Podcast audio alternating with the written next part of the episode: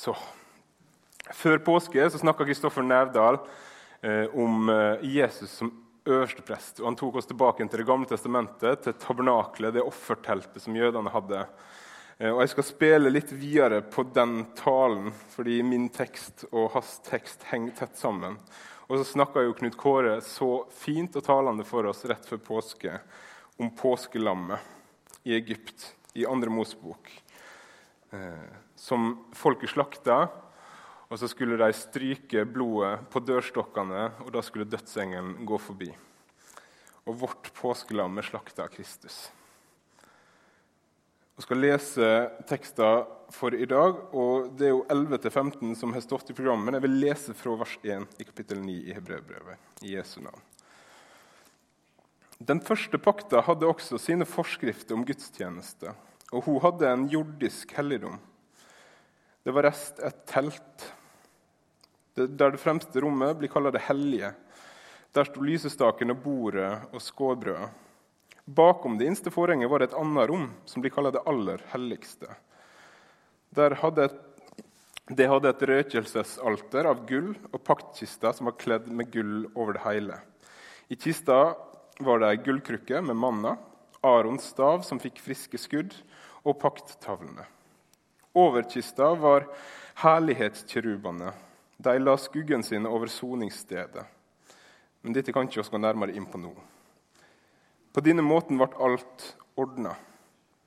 Det fremste rommet går prestene stadig inn i når de gjør sitt tjeneste. Men i det andre går øverstepresten inn alene og bare én gang om året, og aldri uten blod, som han bærer fram for seg sjøl og for de syndene folket har gjort uten å vite det. Dermed viser Den hellige ånd at veien inn i helligdommen ikke har blitt åpenbara så lenge det fremste rommet enda står. Dette er et bilde på den tid som nå er. De bærer fram gave og offer som ikke kan gjøre den som dyrker Gud, fullkommen når det gjelder samvittigheten. Liksom forskriften om mat og drikke, om alle slags renselser, er dette bare ytre påbud. Det skulle gjelde fram til tida da den rette ordninga ble innført. Men Kristus er kommet som øversteprest for alt det gode vi nå har. Han har gått gjennom det teltet som er større og mer fullkomment, og som ikke er laga av menneskehånd, dvs. Si som ikke hører til denne skapte verden. Ikke med blod av bukker og kalver, men med sitt eget blod gikk han inn i helligdommen en gang for alle og kjøpte oss fri for evig. Blod av bukker og okser og aska av ei kvige er hellig og rein i det ytre når det blir dynka på den ureine. Hvor mye mer skal ikke da Kristi blod rense samvittigheten vår fra døde gjerninger, så oss kan tjene den levende Gud? For Kristus har i kraft av en evig ånd båret seg sjøl fram som et feilfritt offer for Gud. Derfor er Kristus mellommann for en ny pakt. Han døde for å kjøpe oss fri fra lovbruddet i den første pakta, så de som er kalla, skal få den evige arven som var lova dem. Kjære Jesus, Takk at du kom. Takk at ditt blod rant. Takk at du var villig. Takk at vi skal finne det vi sang om i deg. At vi finner fred, vi finner frihet, vi finner glede, vi finner håp, vi finner et evig håp. Jeg ber om at du må tale gjennom meg i kveld. Jeg ber om at du må tale gjennom ditt ord. For ditt ord er sannhet, Jesus. Amen. I de versene som vi las nå, så starter oss i den første pakt starta i den første pakta, som ble gjort eh, mellom Gud og folket på Sinai-fjellet. Der eh, sier Gud basically OK, hold disse buda som jeg gir dere i dag, så skal jeg være med dere. Jeg skal velsigne dere. Dere skal være mitt folk, jeg skal være deres Gud. Hold buda mine, og alt blir Gud. Og Det er ikke så komplisert heller. egentlig. Altså, De budene som Gud gir, er ikke supervanskelige å forstå. Ikke stjel. Ikke lyg. La kona til naboen være i fred. Eh, altså, det, det, er ikke, det, er ikke, fryktelig vanskelig å forstå innholdet i disse budene. Men likevel så svikter folket, og så synder folket. Og I teksten vår så står det selv om de ikke visste om det, så synder de. Og Dermed så må de ofre. Fordi de har brutt avtalen, de har brutt pakta som de har gått inn med Gud. De skylder Gud noe, de skylder Gud alt, faktisk. Og de har ført seg sjøl inn under Guds dom med de lovbruddene som de har gjort. Gud, han som har skapt dem, den hellige, rettferdige og gode Gud, han må felle dom over synda, for han er rettferdig. Men for å spare folket så ofrer de i stedet dyr. De ofrer dyr, og dyra de dør og de blør i stedet for folket. For å sone for folket sine synder. Kristoffer snakka om tabernaklene, fortalte litt om hvordan det så ut. Ehm, det er ganske detaljerte forskrifter for hvordan de skulle lage dette teltet. Og dette teltet skulle ligne på det himmelske. Det skulle gi en slags smak av himmel. Og så leses også her i teksten at en gang i året så gikk øverstepresten inn, aldri uten blod. Men han gikk inn, og så gjorde han soning for sine synder først, og så for folket sine synder. På den store forsoningsdagen. Og Dette skjedde hvert år. Og så kunne jeg hoppe til det er et bilde på, men altså det vi møter her, det er en faktisk soning for synd. Altså Folket er helt avhengig av denne soninga for at de skal kunne fortsette å leve. Husk, å snakke ikke om et stort og mektig folk som er selvforsynt og som, som har alt de trenger. Vi snakker om et folk som hele veien har vært helt avhengig av Gud, som alltid har vært underlegne, som alltid har vært mindre enn nabofolka sine. Så det er faktisk soning for synd som skjer når disse dyra blir slakta, og når dette blodet blir skvetta på nådestolen på lokket til paktkista inn i det aller helligste. Og den er helt nødvendig. Men så leser vi i Hebreerne 9 at denne pakta og disse ofra har noen svakheter. For det første så merker vi en forskjell i at øverstepresten må først sone for sin egen synd. Fordi han er ikke noe bedre enn folket. Han må sone for sin egen synd først, så for folket. Og så er denne soninga begrensa til bare ett folk, til israelsfolket. Men kanskje mer alvorlig det greier ikke å oppnå, det greier ikke å gjøre det som folket egentlig trenger. Denne soninga vasker dem rein i det ytre. Men når de går ut igjen, så blir de skitne igjen. Og året etter må de komme tilbake igjen. Det er som en sånn evig eh, hadde jo blitt et fryktelig kjedelig TV-program. Men se for dere eh, Luksusfellen, der det samme paret dukker opp sesong etter sesong etter sesong etter sesong etter sesong etter sesong. Eh, litt sånn er dette her. Hvert år så må de komme tilbake og så må de sone for syndene. Og Så går de ut igjen uten å egentlig ha løst problemet.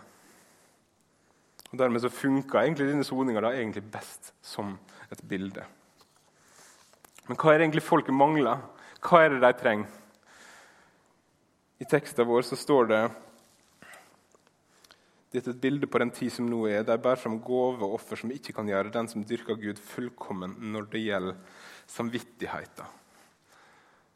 Det betyr de kommer der, de blir vaska rein i det ytre, og så går de igjen. Men de får ikke gjort noe med det egentlige problemet. Problemet på innsida. Følelsen av å aldri strekke til. Eller den vissheten om at neste år er det på'n igjen, tilbake hit. For å nok en gang bøye meg i skam fordi jeg synder. Hva er det de trenger? De trenger evne til å leve godt og rett. De trenger ei rensa samvittighet og så trenger de et rensa hjerte.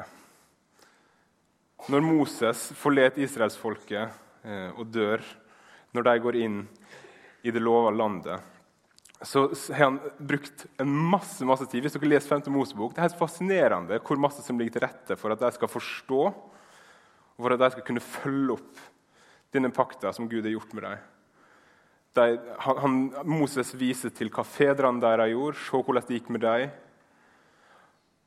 Han sier 'hold disse festene og de festene', og gjør alt dette for å minne deg sjøl på jo, det var Gud det var Gud som førte meg ut av Egypt. Det er Han jeg skal tilhøre, det er Han jeg skal tjene.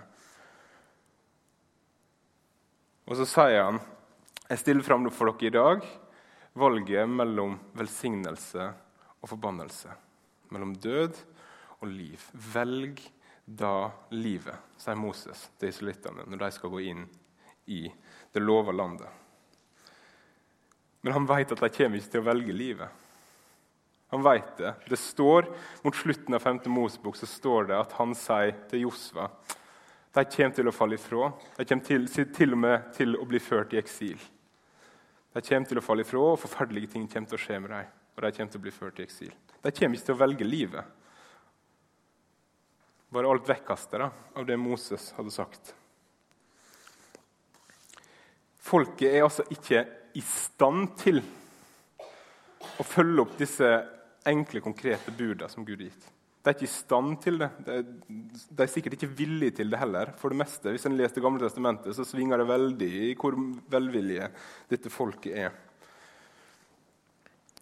Men så er det også vårt problem. da. Fordi oss er ikke så ulike israelittene. Oss er ikke så ulike dette folket. Jeg er ikke god. Du er ikke god. Sånn Rent mellommenneskelig så kan sikkert folk si jo, jo, han er jo en grei kar, han. Eller jo da, hun er kjekk jente, hun. Men du er ikke en god person. Jeg er ikke en god person. Du er ikke en god person. Og Hvis du ble litt provosert av det, så vil jeg takke for at stoltheter hoppa opp for å understreke poenget mitt. Um, altså, oss, oss, oss liker å tro om oss sjøl at vi er veldig gode når jeg ser meg sjøl i speilet, og når jeg ser på hva jeg oppnår, og når jeg ser på hvem jeg er, så syns jeg kanskje ikke jeg er så verst. Men jeg er ikke en god person. Jeg er råtten og vond. Jeg er egoistisk, egosentrisk. Jeg vil heller tjene meg sjøl enn å tjene andre. Jeg, vil, jeg, er mye flinkere til å elske meg sjøl enn det er til å elske Gud. Hvis du går gjennom veka di denne veka, hvor, hvor god har du vært? Har du frykta og elska Gud i alt du har gjort denne veka? I alle tanker, i alt det du har vært gjennom denne veka? Har, har du gjort det? Hva vondt har du gjort? Hva godt har du latt være å gjøre? Hva vondt har du tenkt, men greid å holde det igjen? Hva vondt har du sagt om noen eller til noen? Det bare kommer ut, og så er jeg ikke god.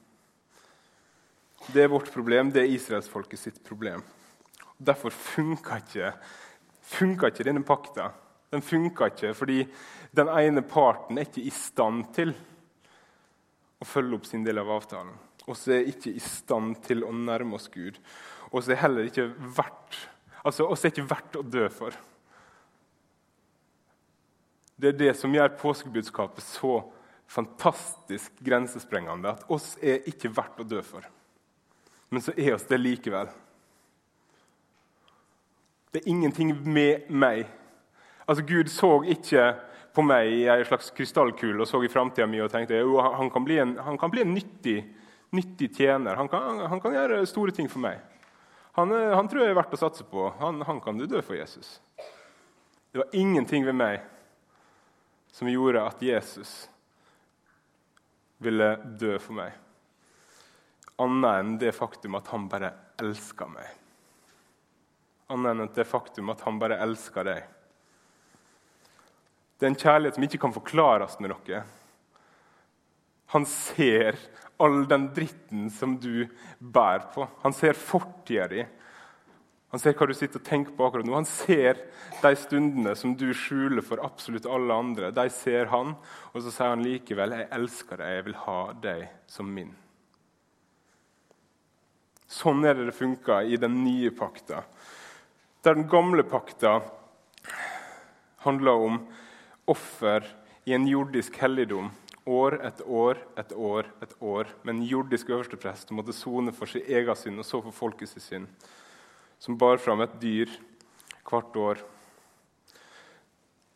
Så går Jesus helt inn i himmelen, den egentlige helligdommen. Han går helt framfor Guds trone med sitt blod. For at han skal kunne peke på deg og at han skal kunne peke på meg og si rein. Rein, rein. Han kommer, han gir alt, han blir alt. Han er både ypperste prest og soningsdyr for den nye pakta. Og det er et evig offer. Det er ikke et tidsbestemt offer eller et gjentakende offer, men det er et evig offer. Hans blod virker på en sånn måte at det bare vasker vekk alt. Uansett hvor, hvor fast driten måtte virke på deg, så vasker Jesus blodet rett vekk. Der den gamle pakta sa 'du er skitten, rens deg', så sier den nye pakta 'du er skitten, jeg vil rense deg' der den gamle pakta sier 'gjør dette, så skal jeg være din'. Så sier den nye pakta 'jeg har gjort alt dette for at du skal kunne være min'.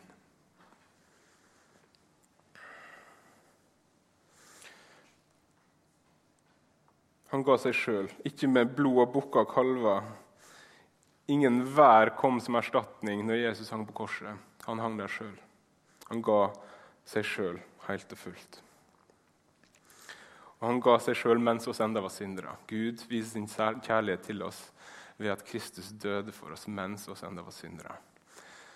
Det betyr mens du ikke var verdt å dø for, mens jeg ikke var verdt å dø for, så døde han for oss likevel. Og skal, og kan, skal fylle oss opp med en sånn tanke om hva kristenlivet skal handle om at kristenlivet handler om å bli en bedre person. Jeg tror, jeg tror, Veldig mange kristne tror jeg blir en bedre person, selv om jeg har opplevd folk som, som jeg ikke helt veit uh, med det også. Men det er ikke det som er poenget uansett. Poenget med kristenlivet er ikke at du skal bli flinkere eller at du skal bli bedre. Poenget med kristenlivet er å kjenne Jesus. Det er å kjenne Han som kom. Det er å kjenne Han, det er å gjemme seg i Han det å kunne snakke sant om livet, det å kunne blottlegge fortida si helt uten skam fordi en vet at en har ingenting å skamme seg over fordi Jesus har vaska alt vekk. Han har gjort alt nytt. Hvor mange av dere i kveld kommer inn her med, med en skjult skam i hjertet over noe dere har gjort nylig, eller om noe som er gjort langt tilbake, som dere aldri våga delt med noen? Jesus har vaska det vekk. Det første offeret, offeret i den første pakta, det kunne ikke gjøre fullkommen når det kom til samvittigheten, men Jesu offer kan det. Det er ingen fordømmelse for den som er i Kristus. Det er ingen skam for den som hører Han til. Så snakker også disse versene om dette er bare ytre påbud står det i vers 10. Og Det også vil jeg snakke litt om. Også veldig god på ytre påbud. Hvor mange her inne føler på et press til å pynte seg, f.eks. For, eksempel, for å komme på møte? Og så vet jeg om det er fordi en tenker at eh, Gud, Gud fortjener min beste skjorte, eller, eh, eller hva det er. Men, men Gud er like glad i deg om du hadde kommet inn her i joggebukse som det han er når du kommer inn i dine fineste Casual Friday-klær. Og så kan være så god på å gjøre kulturelle ting til en slags markør på at jo, han, han står det bra til med. F.eks. jeg, da, som står her og forkynner for dere. Han, han er sånn skikkelig kristen, han. Skikkelig kristen. Hva piss, Hva piss er det? Er helt og fullt avhengig av Jesus. Helt og fullt avhengig av han. Ja, dere skulle visst hvor elendig jeg følte meg klokka halv seks i natt når jeg satt med denne talen og tenkte bare Hva er det som feiler? Hva er, her har jeg studert teologi i fem år, og så greier jeg ikke å få ned en tale om en av de fineste tekstene jeg vet. Hva er det som feiler meg? Du kan føle deg så ubrukelig, og jeg er det også mye av tida. Du er ubrukelig. Altså, du er ikke nyttig for Gud. Gud vil ikke ha deg fordi du er nyttig for han. Jeg hørte senest i går, Det er jo, det er jo sånn som en fort sier når en blir litt revet med. sant? At Gud er avhengig av deg. Gud er ikke avhengig av deg. Gud trenger ikke deg. Han trenger ikke deg i det hele tatt. Han er ikke avhengig av deg en dritt. Men så vil han ha deg. Hvor mye vil han ha deg? Så mye at han sendte sin egen sønn. Hvor mye var Jesus villig til å gi for å få deg? Han var villig til å gi hele seg sjøl. Han var villig til å, å henge der på det korset i time etter time etter time. Og Det er ikke noe vakkert syn, akkurat som offeret i Det gamle testamentet. Det er ikke sånn, å, så flott. Altså, det, det, er ikke bedehusdame som, som, som står utenfor tabernakelet og liksom å, ja. Altså, det, det, det er ikke det. Korset er groteskt. Korset er blodig. Det er stønn, det er rop om hjelp, det er rop til Gud. Gud, hvorfor har du forlatt meg? Det er desperasjon, det er smerte. Han smaker hele Guds vrede i stedet for oss. Han er helt alene. Det er mørkt inni han, det er mørkt utafor han. Det er ikke et vakkert syn. Det er ikke fint, korset, egentlig. Men så vil han ha oss. Og Derfor var han villig til å strekke seg så langt. Han vil ha deg. Han vil ha akkurat deg. Derfor var han villig til å strekke seg så langt. Derfor elsker jeg Jesus. På grunn av det som står her, at han kjøpte oss fri for evig. Kjøpte oss fri. Ikke fordi jeg skulle sjonglere for han, eller være en eller annen nyttig idiot i hans rike, men fordi han ville ha meg som sin, som sin sønn, som sitt barn. Du er ikke verdifull for Gud fordi du er nyttig for ham. Og det er gode nyheter. For da kan du finne disse tingene som vi sang om. Fred og glede og håp. Da kan du vite at på din verste dag, når du ligger deprimert eller utbrent i senga, ikke i stand til å løfte en finger, så elsker Gud deg like høyt.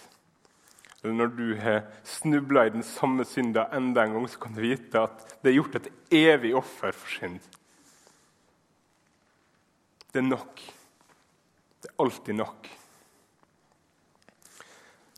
Til slutt vil jeg si er du her som som er blitt fanga i døde gjerninger? Er du her som tenker at kristenlivet handler om et sjølbedringsprosjekt, der du veke for veke skal skrive ned i boka di hva du har fått til for Jesus denne veka, slik at det kanskje er litt større sjanse for at han sier fornøyd med deg når du kommer til han en dag? Hvis du er her som tenker at poenget med kristenlivet er å ha en tjeneste her i MUF, at det er det som skal gi deg frelsesvisshet. Hvis du er her i dag som har blitt, blitt fanga i et eller annet sånt nett av døde gjerninger, av tomme offerhandlinger, av, av ytre ting som skal være en slags markør på at jeg er kristen, men du ikke kjenner Jesus i hjertet ditt, så vil jeg si kom til forbønn etterpå. Snakk med en forbeder om det. Øs ut ditt hjerte for Gud. Han vil ta imot deg. Og så blitt satt fri fra døde gjerninger. Samvittigheten vår er satt fri fra døde gjerninger. Hvis jeg går ned nå etterpå, som regel etter en tale Det vet mange av dere som forkynner sjøl, at som regel rett etter en tale så går du ned og så tenker du dette var drit. Hva var det jeg sa i kveld, egentlig? Så kan vi vite at vi er satt fri fra døde gjerninger, så skal vi tjene Gud. Om jeg ikke var tilstrekkelig i kveld, så er han alltid tilstrekkelig for meg. Det han har gjort, det er alltid nok uansett. Ikke bli fanga i døde gjerninger igjen. Ikke, ikke, ikke ilag lag ei, ei, ei kristen greie som handler om noe annet enn å kjenne Han. Fordi det er det det handler om. Når det er snakk om en ny pakt, så, så las Kristoffer en tekst fra Jeremia. Og Det siste verset som han las, var I de dager skal ingen, ingen lærer si, undervise sin, sin bror eller sitt medmenneske og si 'kjenn Herren', for de skal alle kjenne meg. De skal alle kjenne meg. Det er det kristenlivet handler om. Det er derfor jeg elsker Jesus. Fordi det handler om å kjenne Han som kom og døde og sto opp igjen for å gi meg et evig liv som jeg ikke fortjente. I den gamle pakta så ble det regna med at mennesket skulle gjøre sin del. I den nye pakta så sier Jesus det er fullbrakt. Alt er gjort ferdig for deg. Jeg har vunnet seieren for deg, men jeg vil gi den til deg. Et av mine favorittuttrykk, altså Christianese-uttrykk, det er å bli ikledd Jesu rettferdighet. Og så blir ikledd hans rettferdighet som ei kappe. Og legg merke til det blir ikledd, ikke kler på oss, men en passiv. Hjelpeløse som oss er, så kler oss ikke engang på oss sjøl, men han kler den på oss. Han kler oss i sin rettferdighet på grunn av sitt blod.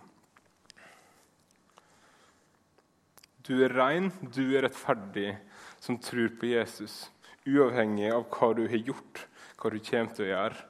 Uavhengig av fortida di, så vil han ta imot deg.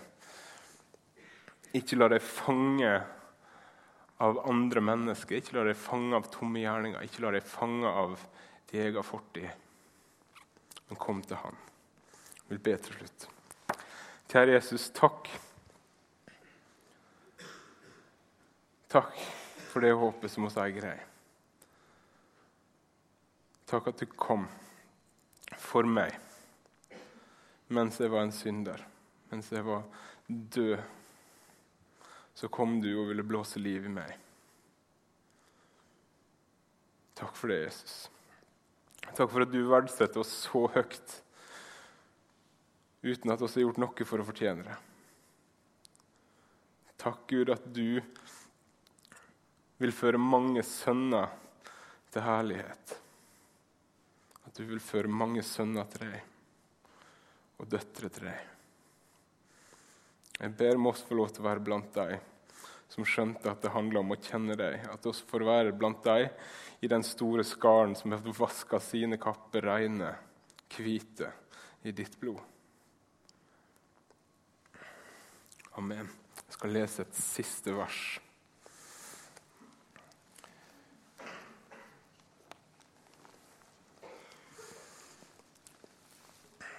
Men jeg vil aldri i livet være stolt av noe annet enn vår Herre Jesu Kristi kors.